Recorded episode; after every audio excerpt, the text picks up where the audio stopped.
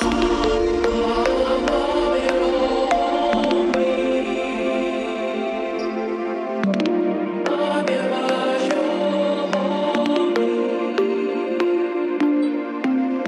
sahabat Midway, nama budaya. Ya, selamat datang di Midway Podcast. Saya Acen. Saya Edo. Ya, jadi di sini kami ingin membahas yaitu topik mengenai dilema yang sedang kita alami sekarang yaitu pada saat wabah COVID-19. Nah, kita langsung mulai saja di topik dilema yang pertama ini. Nah, di sini kita punya dua dilema. Ini kasusnya adalah pada saat memberi makan, memberi dana makan, maksudnya kepada para biku atau para sangga yang berada di, di wihara. Jadi, account Instagram ini.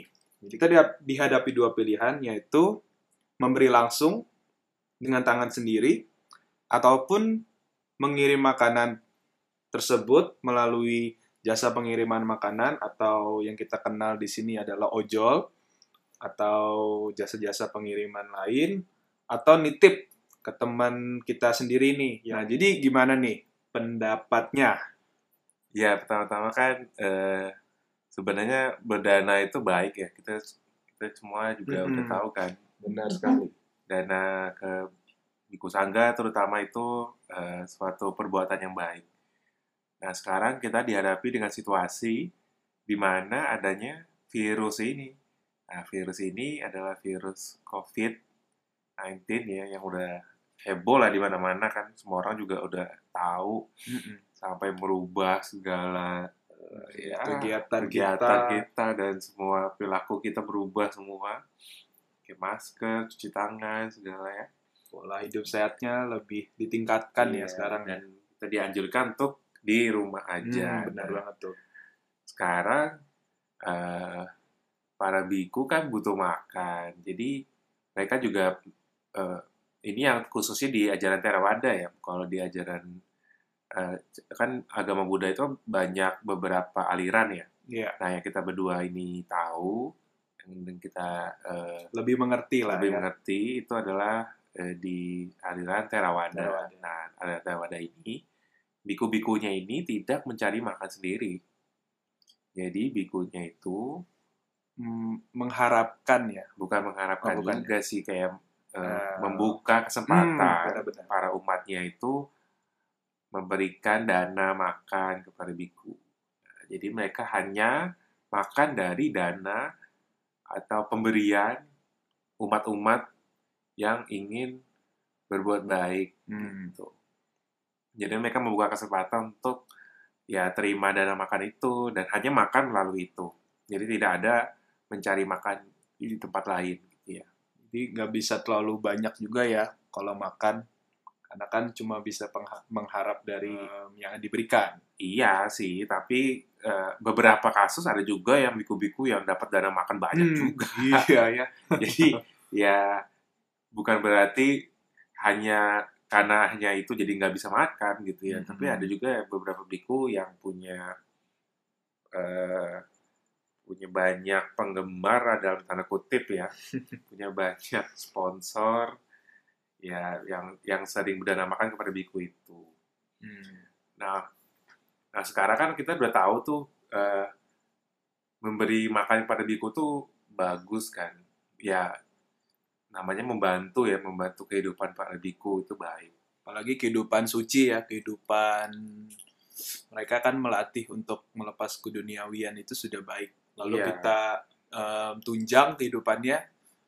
Jadi kita juga punya eh, tabungan kebajikan yang sangat besar. Nah, dengan itu eh, kita bisa ikut menambah eh, menambah kebelang menambah kelangsungan dhamma juga. Jadi kan biku itu kan tugas salah satu tugasnya itu menyebarkan dhamma, berbagi ya, berbagi pengetahuan dhamma Hmm. kepada para umat. Nah, dengan menyokong biku itu dengan memberikan makan, kita juga ikut membantu menyebarkan dhamma melalui bantu yang kita eh, berikan dananya. Hmm, benar benar benar. Nah, masalahnya sekarang itu kan COVID. Nah, Oh iya. jadi COVID ini eh, membuat kita punya cara baru nih untuk berdana. Jadi sekarang itu kan berdana bisa melalui yang tadi dibilang ya sama Aceh, Mhm. itu adalah memberikan dana melalui ojek online. Oh iya. Ya, kita pesan, makan, lalu ojek online-nya di sana ada di biara itu biasanya ada pengurusnya ya, yang Hmm, hmm, hmm. mengatur makan para biku. Nanti diterimakan di sana lalu disiapkan. Nah, tetapi eh, berdana itu memang dikatakan ya eh, lebih baik melalui tangan sendiri. Nah ini juga kita Ah. cerita nih. Saya pernah dengar juga nih soalnya nih. Iya, Iya. bahwa memang eh, berdana itu lebih baik melalui tangan sendiri. Nah, ini kalau kita lihat sumbernya adalah Diga Nikaya Sutta, Sutta Pitaka, ya Diga Nikaya bagiannya. Diga Nikaya, Di Payasi Sutta ya. ya Payasi Sutta, Diga Nikaya 23. Nah, itu ada cerita bahwa ada seorang pangeran namanya Payasi. Nah, pangeran Payasi ini eh, punya banyak, namanya pangeran ya punya banyak eh, Pengawal, pengawal dan asisten. eh, ya pembantu, ya asisten. Nah, kebetulan pangeran ini memang eh, dia tuh sebenarnya nggak percaya tuh atas kelahiran kembali alias eh, Puna bawa. itu kelahiran kembali itu Ya. setelah kematian. Tetapi setelah dia mendengarkan dhamma dari ada seorang bante yang bernama Bante Kumar Rakasapa, Mhm. nah dia menyatakan bahwa dia tuh mau berubah. Dia memutuskan untuk melakukan dana kepada petapa, kepada eh, brahmana, pokoknya orang-orang yang suci lah dan Mhm. orang-orang yang membutuhkan seperti fakir miskin atau pengemis gitu. Jadi mereka dia dia itu berniat gitu untuk berdana. Kan namanya pangeran ya kaya juga kan.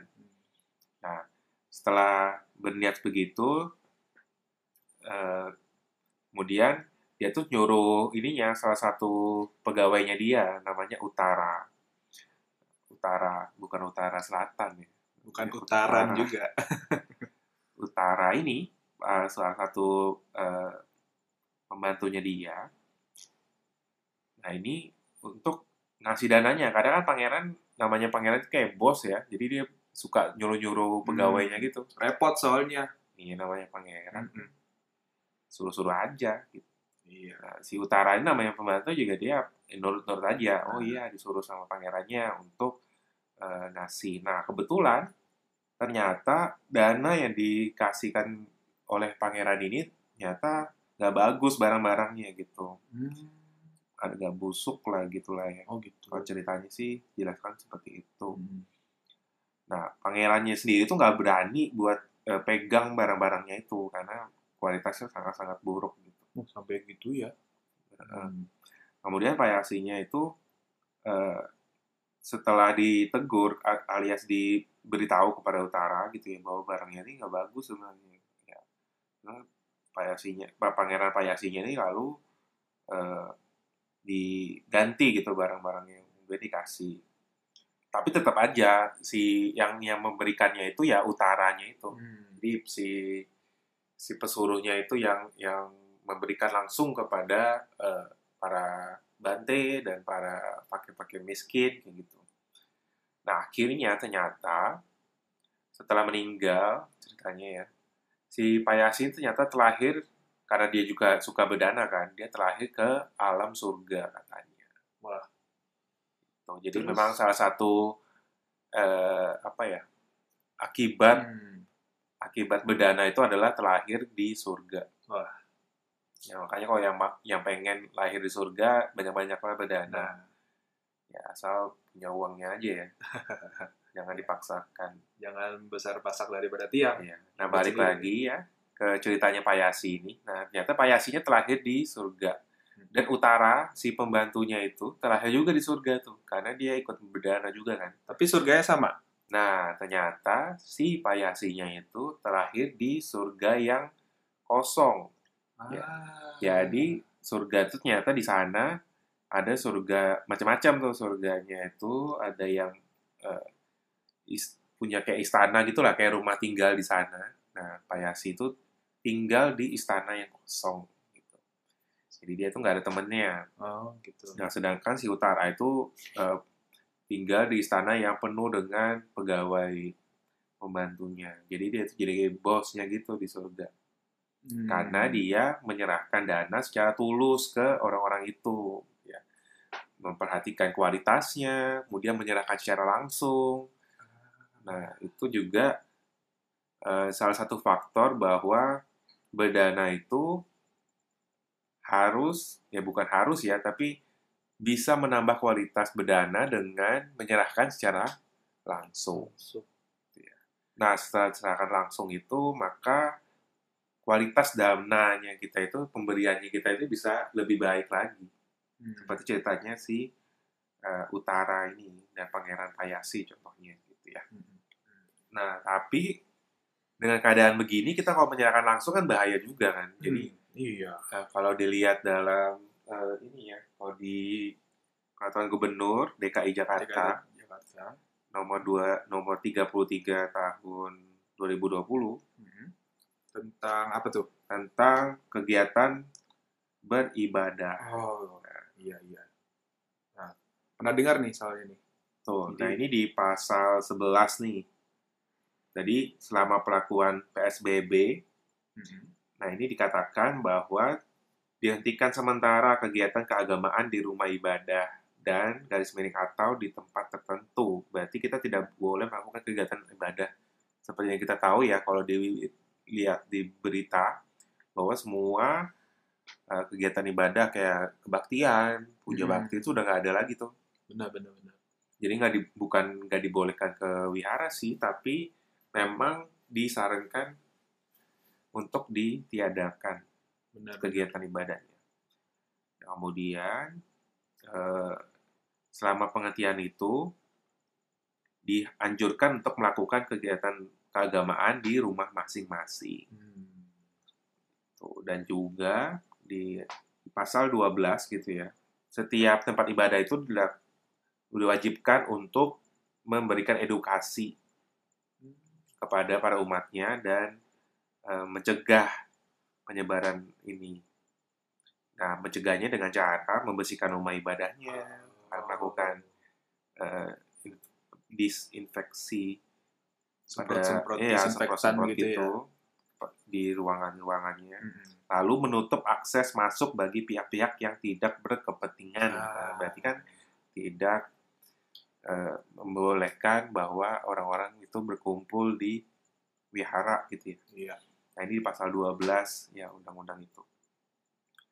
Nah, ini juga ada sanksinya. Sanksinya itu sanksi pidana kalau dilihat di pasal yang terakhir gitu ya. Nah, makanya itu dari pergub ini juga kita jadi khawatir kan. Jadi ada dilema ini. Apakah kita harus memberikan langsung atau kita bisa menitipkan sebenarnya kan alternatif lain ya memang kita tidak menghilangkan dananya tapi kita bisa menitipkan ke eh, ojek online atau ke orang lain gitu ya yang bisa nah menurut Acen gimana nih sebaiknya Hmm. Kalau dilihat dari niatnya sih, karena kan sebuah perbuatan itu harus atau berasal dari adanya niat, yaitu cetana kalau dalam bahasa palinya. Nah, kalau kita lihat di memberi langsung, kita niatnya juga berdana. Niat dengan tulus menyiapkan dana makan ini kepada para biku, lalu menyerahkannya dengan penuh sukacita, pasti akan memberikan pahala yang besar. Lalu dengan mengirim makanan atau melalui alternatif juga punya niat yang sama sih sebenarnya ya. iya niatnya tuh sebenarnya sama aja kalau yang penting itu kan eh, niat tuh dari balik lagi nah caranya gimana kita mau nyerahin langsung atau nitip itu ya itu tergantung situasi balik lagi situasi yang sekarang Hmm. eh, seperti apa. Kalau memang memungkinkan untuk memberikan langsung ya lebih baik gitu. Tapi sekarang ini kan eh, anjurannya begitu. Jadi ada peraturan juga sampai ada peraturan gubernur gitu Iya. kan kalau di DKI Jakarta ya. Mungkin di tempat-tempat lain berbeda. Iya. Nah, tapi ada peraturan ini kalau kita melanggar peraturan kan tidak bijaksana juga. Walaupun kita tahu kualitasnya lebih baik, tapi kita melanggar peraturan gitu. Serba salah juga ya. Nah iya, maka dari itu eh, mungkin teman-teman bisa ini bisa komen juga nih menurut pendapat teman-teman Hmm, benar-benar. Eh, gimana atas ini. Jadi di ini kan udah di post nih di IG midway.budis ya, Iya. midway titik budis bisa di follow juga, dicari nih ada dilema tentang COVID-19. COVID-19 nih yang warna orange. gitu. Iya. Nah, nanti dicari, di sana bisa dikomen eh, pendapat teman-teman gimana. Hmm. Jadi di sini juga kebetulan ada sahabat Midway yang lain yang sudah komen sih. Oh iya gitu. Eh, ya bisa kita bacain. Um, ini da- pertama dari Davina underscore Senjaya. Menurut saya ya gak ada masalah. Sama-sama saja buah karma baiknya.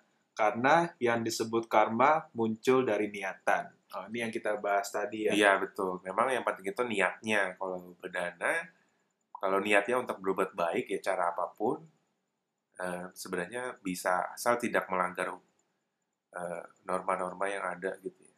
Hmm. Terus juga menurut dia kalau dengan tangan sendiri itu sama aja dengan mengirim makanan.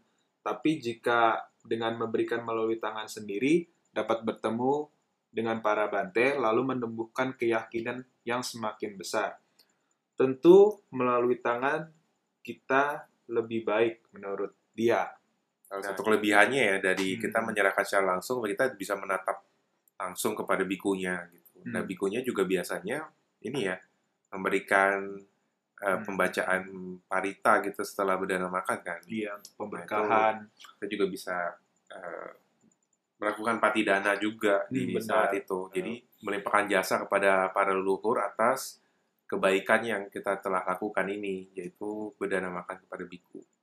Hmm. Nah, tapi kan secara eh, kalau kita melakukan pengiriman makanan juga kita juga bisa melakukan patidana gitu. Jadi bukan hanya secara langsung aja kita bisa melakukan patidana, kita juga bisa lakukan di rumah kok. Gitu. Jadi kan Karena- yang penting patidana itu kita cuma mengingat para leluhur atas eh, kebajikan yang kita telah lakukan, berharap bahwa mereka ikut berbahagia gitu.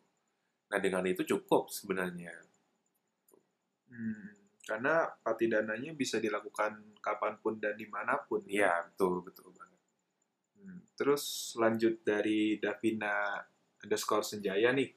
Untuk saat ini, di kondisi ini, akan lebih baik melalui tangan orang lain atau perantara. Hmm. Karena mengikuti anjuran pemerintah untuk seminimal mungkin keluar rumah.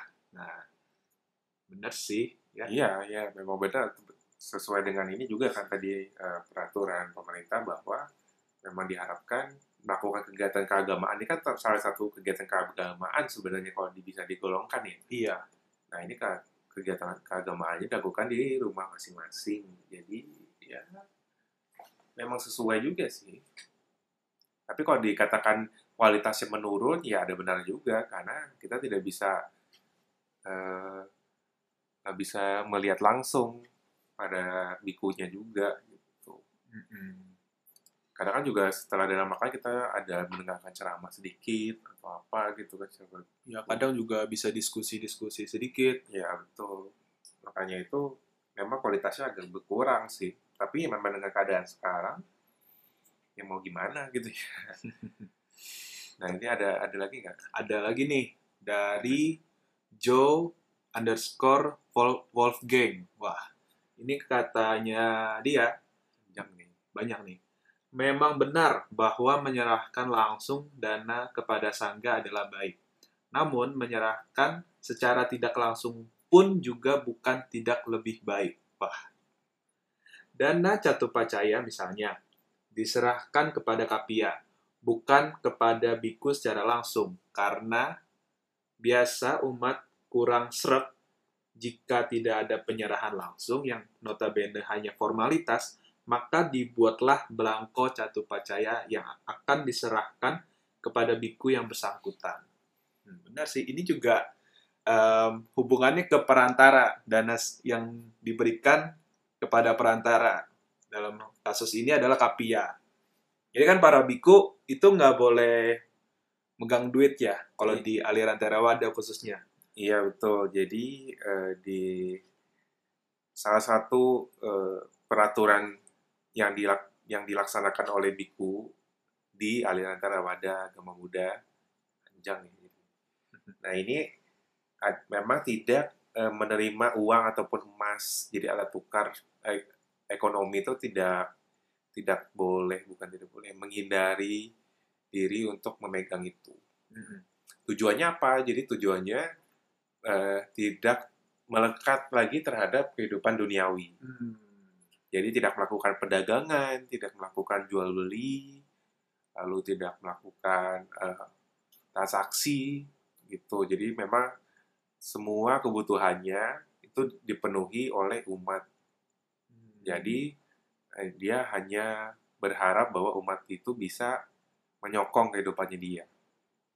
Itu ya. Jadi salah satu peraturan ini mungkin eh, ya memang seorang biku kan sederhana gitu ya hidupnya, jadi tidak tidak repot mengurusi uang. Ya bayangin aja kalau seorang biku punya uang kan berarti ini bisa belanja apa aja tuh.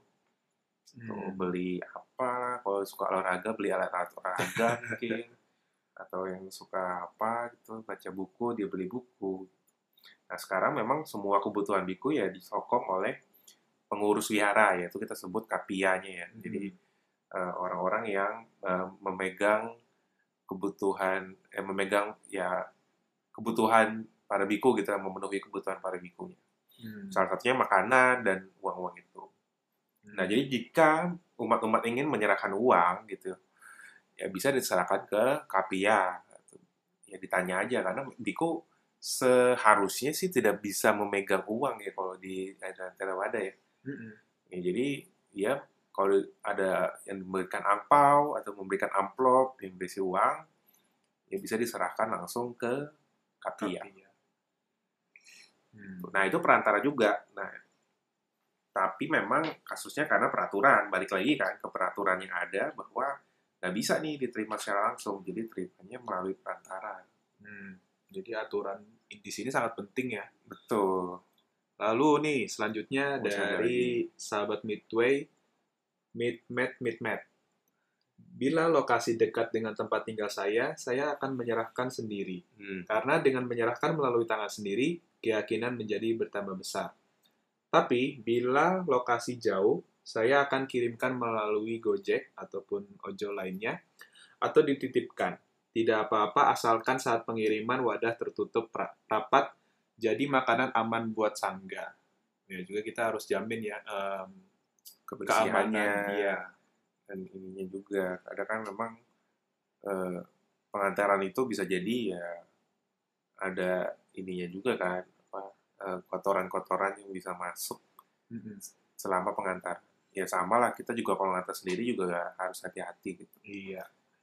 makanya itu eh, dari ininya biasanya kita bisa beri pesan gitu kepada eh, ojolnya atau kepada orang yang kita titipkan bahwa ini tolong dijaga gitu tolong di eh, ya diantarkan dengan sampai selamat gitu ya Mm-mm. jangan sampai ada yang eh, kotoran-kotoran atau bakteri-bakteri atau virus yang lain bisa masuk ke makanannya itu.